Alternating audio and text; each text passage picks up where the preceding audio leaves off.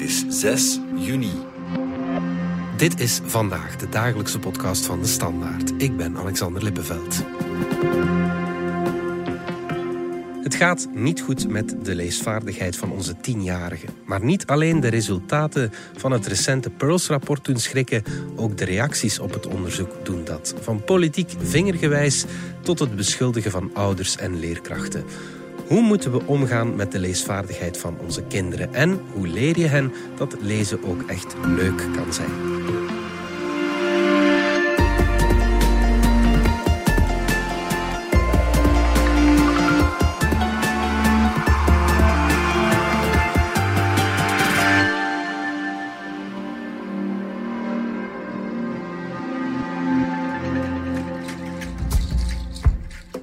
Mijn naam is Konga. Ik ben Mariam. Mijn naam is Jawan. Uh, mijn naam is uh, Sofian. Pat. Lore. Peldo. En mijn lief lievelingsstrip zijn de buurtpolitie. Prinses Pakjes. Die hebben mooie kleren. En mijn, fa mijn favoriete boek is uh, Nero. Klein biggetje. Dolfje Weerhoofdje. Mijn lievelingsboek is Heksen en Prinsessen. De voetbal, oh dat is leuk. Vele van den Bos van onze cultuurredactie en Klaas Maanhout van onze binnenlandredactie. Als je deze kinderen in de Muntpunt in Brussel over hun lievelingsboeken hoort praten, dan lijkt het me nog niet zo dramatisch gesteld met de leesvaardigheid. Maar de realiteit, Veerle, is misschien wel anders. Ja, deze kindjes zijn heel enthousiast natuurlijk. Maar ja, ze zitten natuurlijk al in een bibliotheek. Ja. Maar het onderzoek wijst in een andere richting. Het is slecht gesteld met de leesvaardigheid van onze kinderen. Mm -hmm. Klaas, er is, uh, was onlangs een onderzoek. Daaruit kwam vooral dat we niet de beste leerling van de klas zijn als Vlaanderen. Vertel eens. Ja, en zelfs slechter dat we bijna bij de slechtste leerlingen van de klas zijn. Hè. Mm -hmm. Ja, dus Even geleden is Pearls voorgesteld. Dat is een internationaal onderzoek.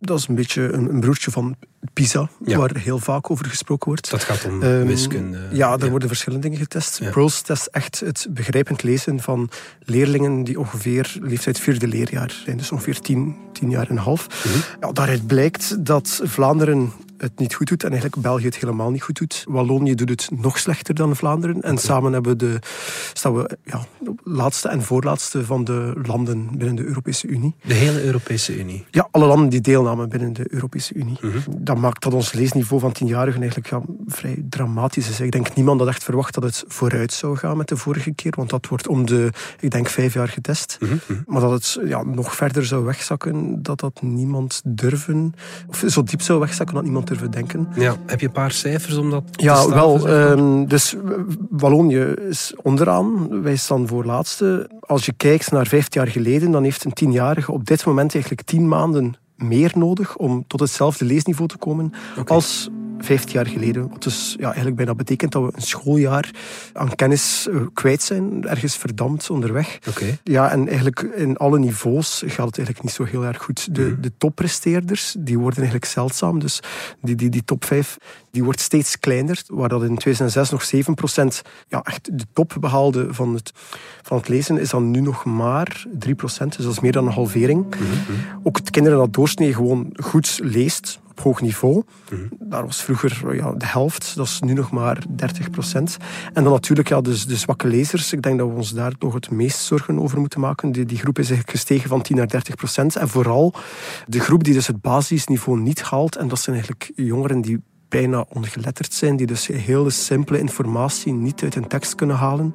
Ja, die groep is dus eigenlijk op vijf jaar tijd verdubbeld, van 3 naar 6 procent. Ja. En dat moet ons toch wel echt zorgen baren. Ja, absoluut. Ja, ja. Je zei het al, we staan uh, onderaan. Wat zijn ja, onze lotgenoten? Wel, zeg maar? het is natuurlijk zo...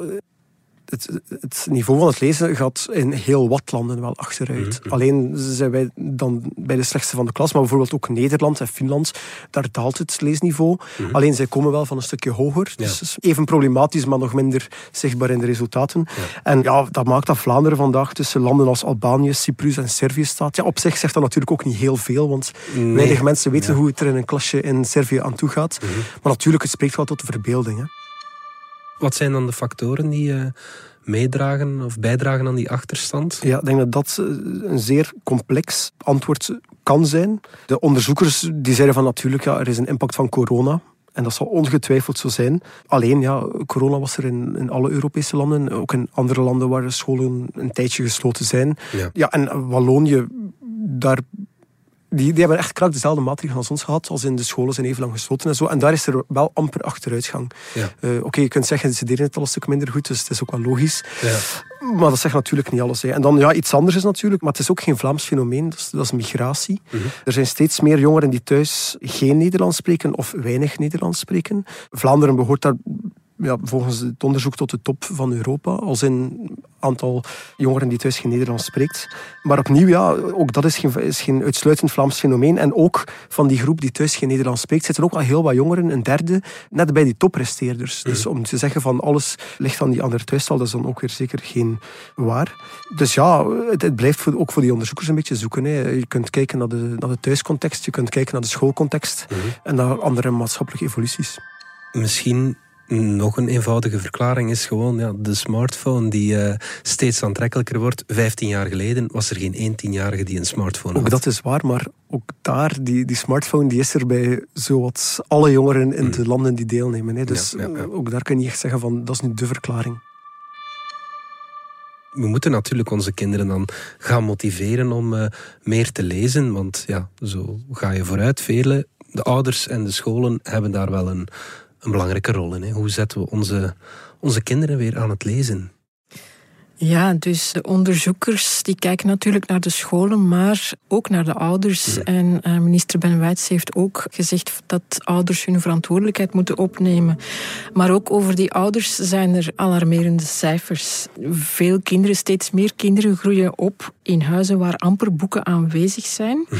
En Vlaamse ouders bungelen in de statistieken ook helemaal onderin als het gaat om hun eigen liefde voor lezen. Ah ja, oké. Okay. Dus uh, 27% van de Vlaamse ouders leest zelf helemaal niet graag. En 17% leest zelfs uh, helemaal nooit. Okay, ja. En ja, ze ondernemen ook relatief weinig taalstimulerende activiteiten met hun kinderen in vergelijking met andere Europese ouders. Uh, 70% doet dat maar soms of zelfs uh, bijna nooit. En het is zo dat 9% van de kinderen die starten in het eerste leerjaar, dat die bijna nooit een boek voorgelezen hebben gekregen. 9%? 9%, ja. Wow, ja. Dat is echt veel. Dan is het wel niet, niet verwonderlijk natuurlijk dat die leesachterstand achteruit gaat als, als, als de ouders zich daar niet voor inzetten. Nee, dus, dus wat, wat nu moet gebeuren is dat ouders er moeten van worden doordrongen van uh, heel jonge leeftijd af dat voorlezen heel belangrijk is en blijven stimuleren, blijven prikkelen. En dat dat even belangrijk is als gezonde voeding en veel bewegen. Ja, oké, okay, ja, goed. Ouders hebben dus een handje hulp nodig, dat kunnen we wel zeggen. Dat merkte ook Jochen Dubois, de bibliothecaris in de bib van Jette, die al heel wat initiatieven op poten zette. Onze collega Charlotte Roo ging er langs. Onze eerste taak als bibliotheekmedewerkers om zoveel mogelijk kinderen, eh, mensen aan het lezen te krijgen. En uh, ja, er zijn zoveel prachtige uh, boeken waarmee dat je dat kan doen. Die omheilstijdingen die we ja, de voorbije weken veel hebben gehoord, uh, zeker terecht. Maar het is wel mogelijk. Het is niet zo dat kinderen niet meer openstaan voor verhalen. Het is gewoon dat de tijd hen ontbreekt. Als je hen een goed verhaal toont of mm -hmm. laat lezen of voorleest, dan gebeurt er iets magisch. En dus we willen dat gewoon ouders en lesgevers nog een beetje helpen. Wij organiseren hier in de bibliotheek of met de bibliotheek heel veel activiteiten. Daarvoor werken wij samen met de scholen, de brede school, de dienst cultuur, gemeenschapscentrum enzovoort. Dus we hebben hier voorleesuurtjes. Schattige, grappige, grote en enge dieren. Wie kent er prinses Arabella? Nee? Kom dichter. Ah ja, dit. Ik heb één keer Arabella ja? ja. Komen jullie ook dichter zitten? Kom. We zitten hier vlak aan het park, dus wij organiseren ook natuuractiviteiten die ook weer starten. Of samen met een boek de natuur ingaan, die ook altijd heel fijn zijn. En al die activiteiten die ik aanhaal, die worden begeleid, of toch voor een groot stuk, door vrijwilligers. En we hebben echt een hele toffe, fijne, diverse groep die hier heel vaak eh, de kinderen komt entertainen.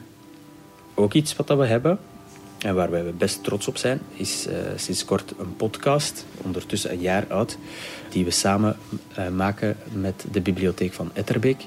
En die heet uh, Lariboek en Apenkool. En dat is een maandelijke podcast voor ouders over kinderboeken. Lariboek en Apenkool. Welkom bij Lariboek en Apenkool. Ik ben Jarne. En ik ben Jochen. En we zijn alle twee boekenliefhebbers. Er is ontzettend vraag naar, omdat ja, ouders voelen dat wel, dat, dat hun kind moeilijk heeft om te lezen of om plezier te hebben met verhalen. En doordat wij zo een heel breed aanbod hebben, stimuleert dat ook die kinderen. Je hebt natuurlijk de kinderen die hier sowieso al geraken, die hier samen met mama en papa of een van de twee standaard één keer per week komen en hun bakfiets vol boeken steken. Maar de activiteiten die wij organiseren, die richten wij specifiek op. Iedereen is welkom, maar we richten ons specifiek op de kinderen die niet zo gemakkelijk in een bibliotheek geraken. Uh, en we proberen dat te promoten via de scholen, uh, via de leerkrachten. Uh, zeggen we, kijk, wie in jullie klas is er juist gebaat bij wat extra um, ondersteuning of extra oefening in het Nederlands, uh, leuke activiteiten en verhalen. Mm -hmm. En we proberen dat heel laagdrempelig te doen door die ouders aan te spreken en die in een WhatsApp-lijstje te zetten, zodat we die heel gemakkelijk kunnen contacteren van kijk, zaterdag is er deze activiteit. Gewoon een, een berichtje terugsturen van oké, okay, hop, en het kind komt. Die activiteiten zijn gratis. En op die manier komen er kinderen in de bibliotheek die anders die weg moeilijker zouden vinden. Ja. Ja, we krijgen toch altijd goede reacties, dus dat is wel fijn.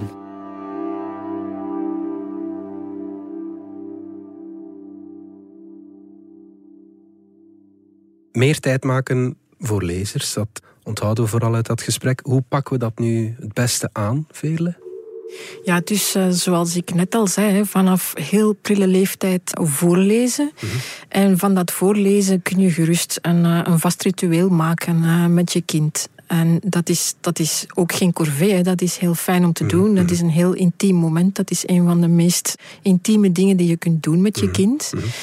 En wat ook heel belangrijk is, je moet daar niet mee stoppen zodra je kind kan lezen. Mm. Het is belangrijk dat je blijft voorlezen, ook als je kind zelf al kan lezen. Mm. Omdat je dan wat ingewikkelder boeken met een ingewikkeldere verhaalstructuur, wat ingewikkelder taal en diepgaander personages kunt aanbieden, waardoor je kind ook weer meer taalontwikkeling krijgt, meer inzicht krijgt in teksten en meer vaardigheden krijgt in het interpreteren van teksten. En ook, je biedt hen ook een soort van perspectief. Hè, van ja, als ik nog een beetje beter kan lezen, dan ga ik dit binnenkort zelf ook kunnen lezen. Ja, ja dat je een soort doel hebt of, zo, of zoiets uh, als kind. Ja, moeten we onze kinderen verplichten om te lezen of is dat net geen goed idee. Dat is een moeilijke. Hè? Je zou dat kunnen proberen, maar dat werkt niet per se. En zeker niet als je zelf nooit leest. Hè? Je moet zelf het goede voorbeeld geven. Mm -hmm. En het is ook heel belangrijk dat kinderen autonomie voelen en betrokkenheid voelen. En dat creëer je natuurlijk niet als je ze gaat verplichten. Als je gaat zeggen van hier is een boek, je gaat nu een half uur per dag verplicht lezen.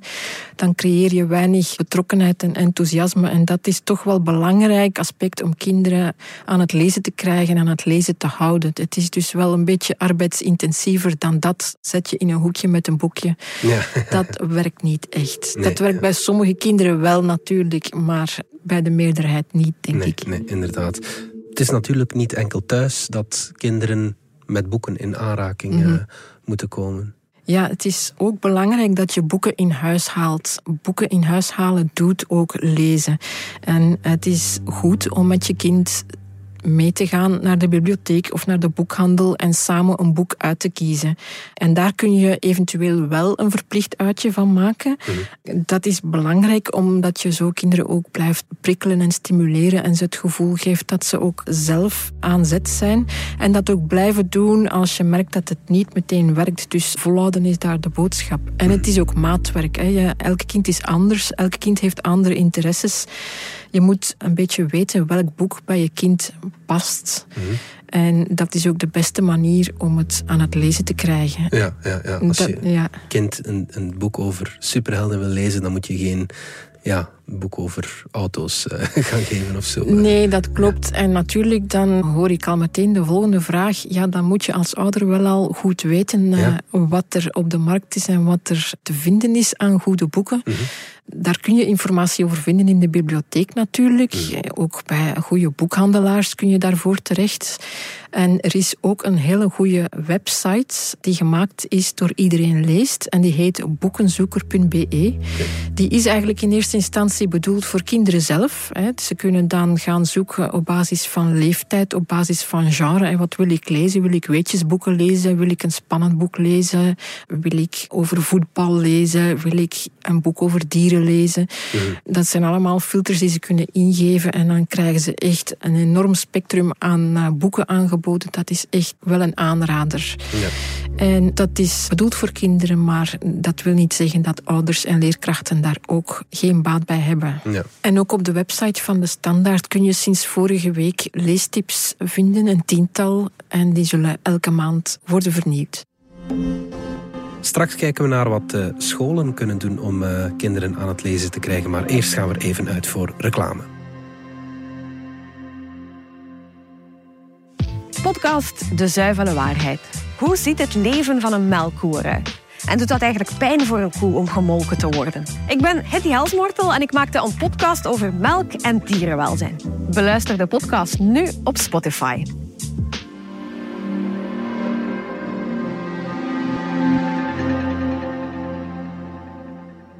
Klaas, terug naar eh, ja, de leerachterstand dan.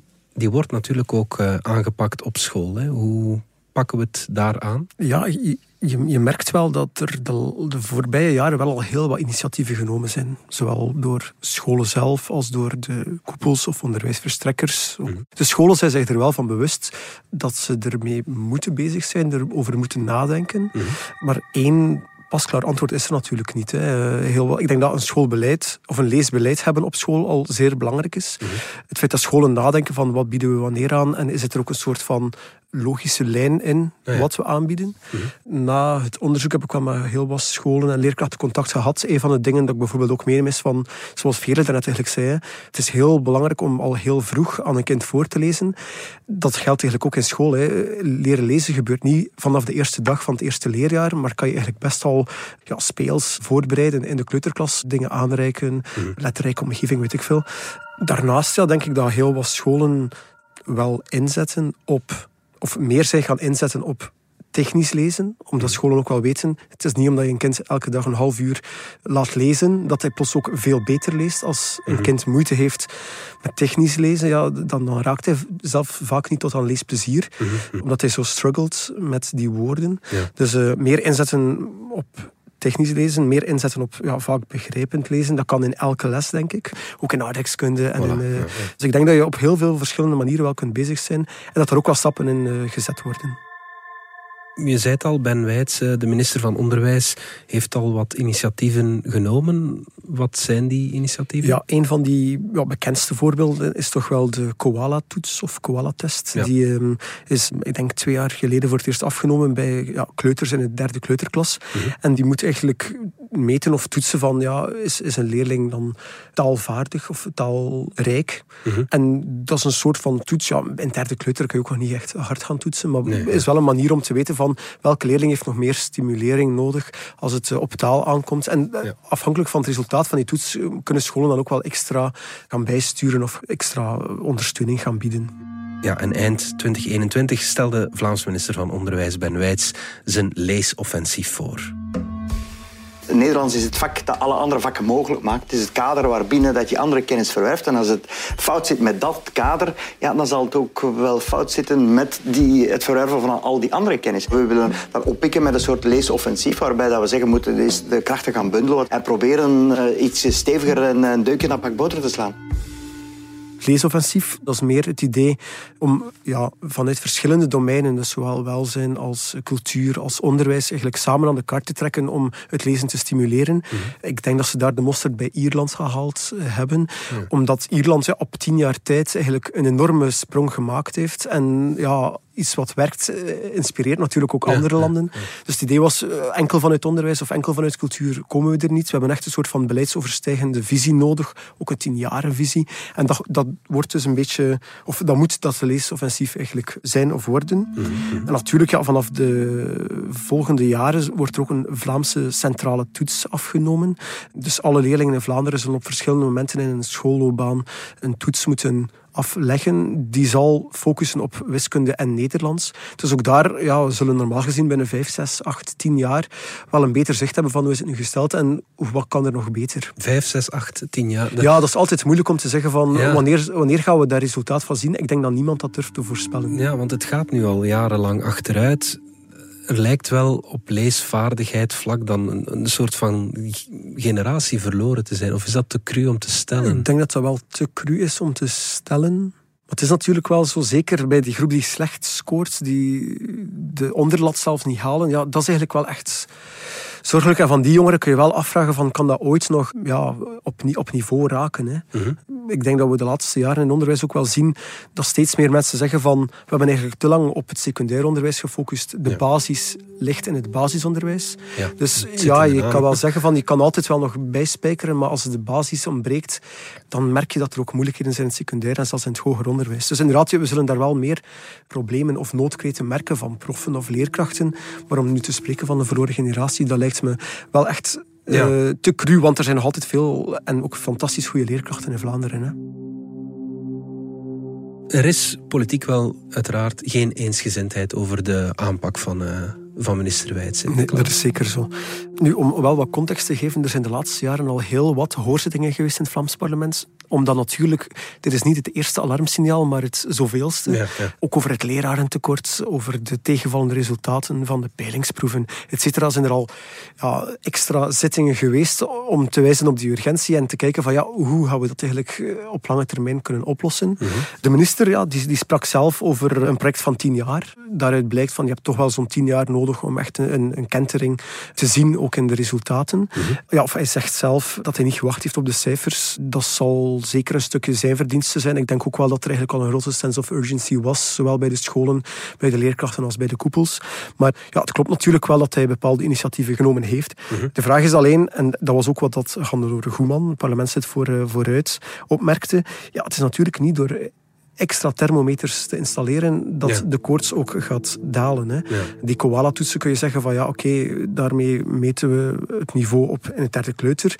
Eh, De Vlaamse toetsen niveau vierde leerjaar en zesde leerjaar.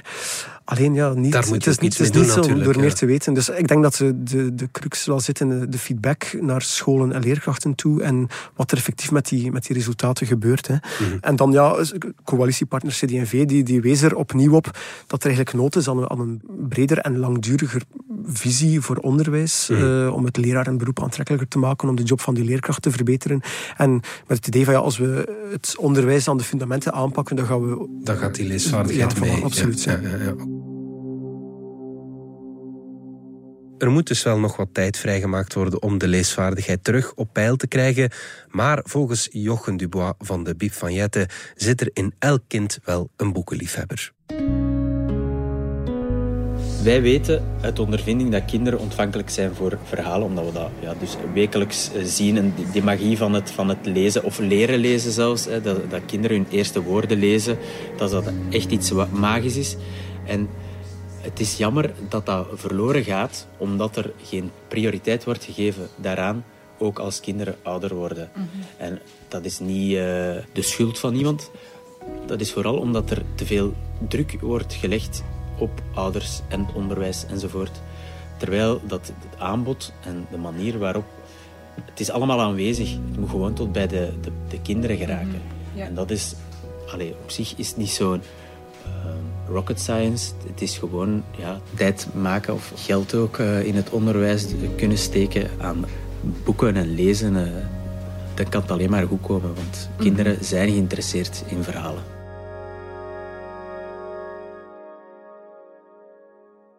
Je kan je natuurlijk ook de vraag stellen of elk kind wel graag moet lezen. Ja, je kan ook inzetten op andere vaardigheden die op een heel andere manier heel nuttig zijn.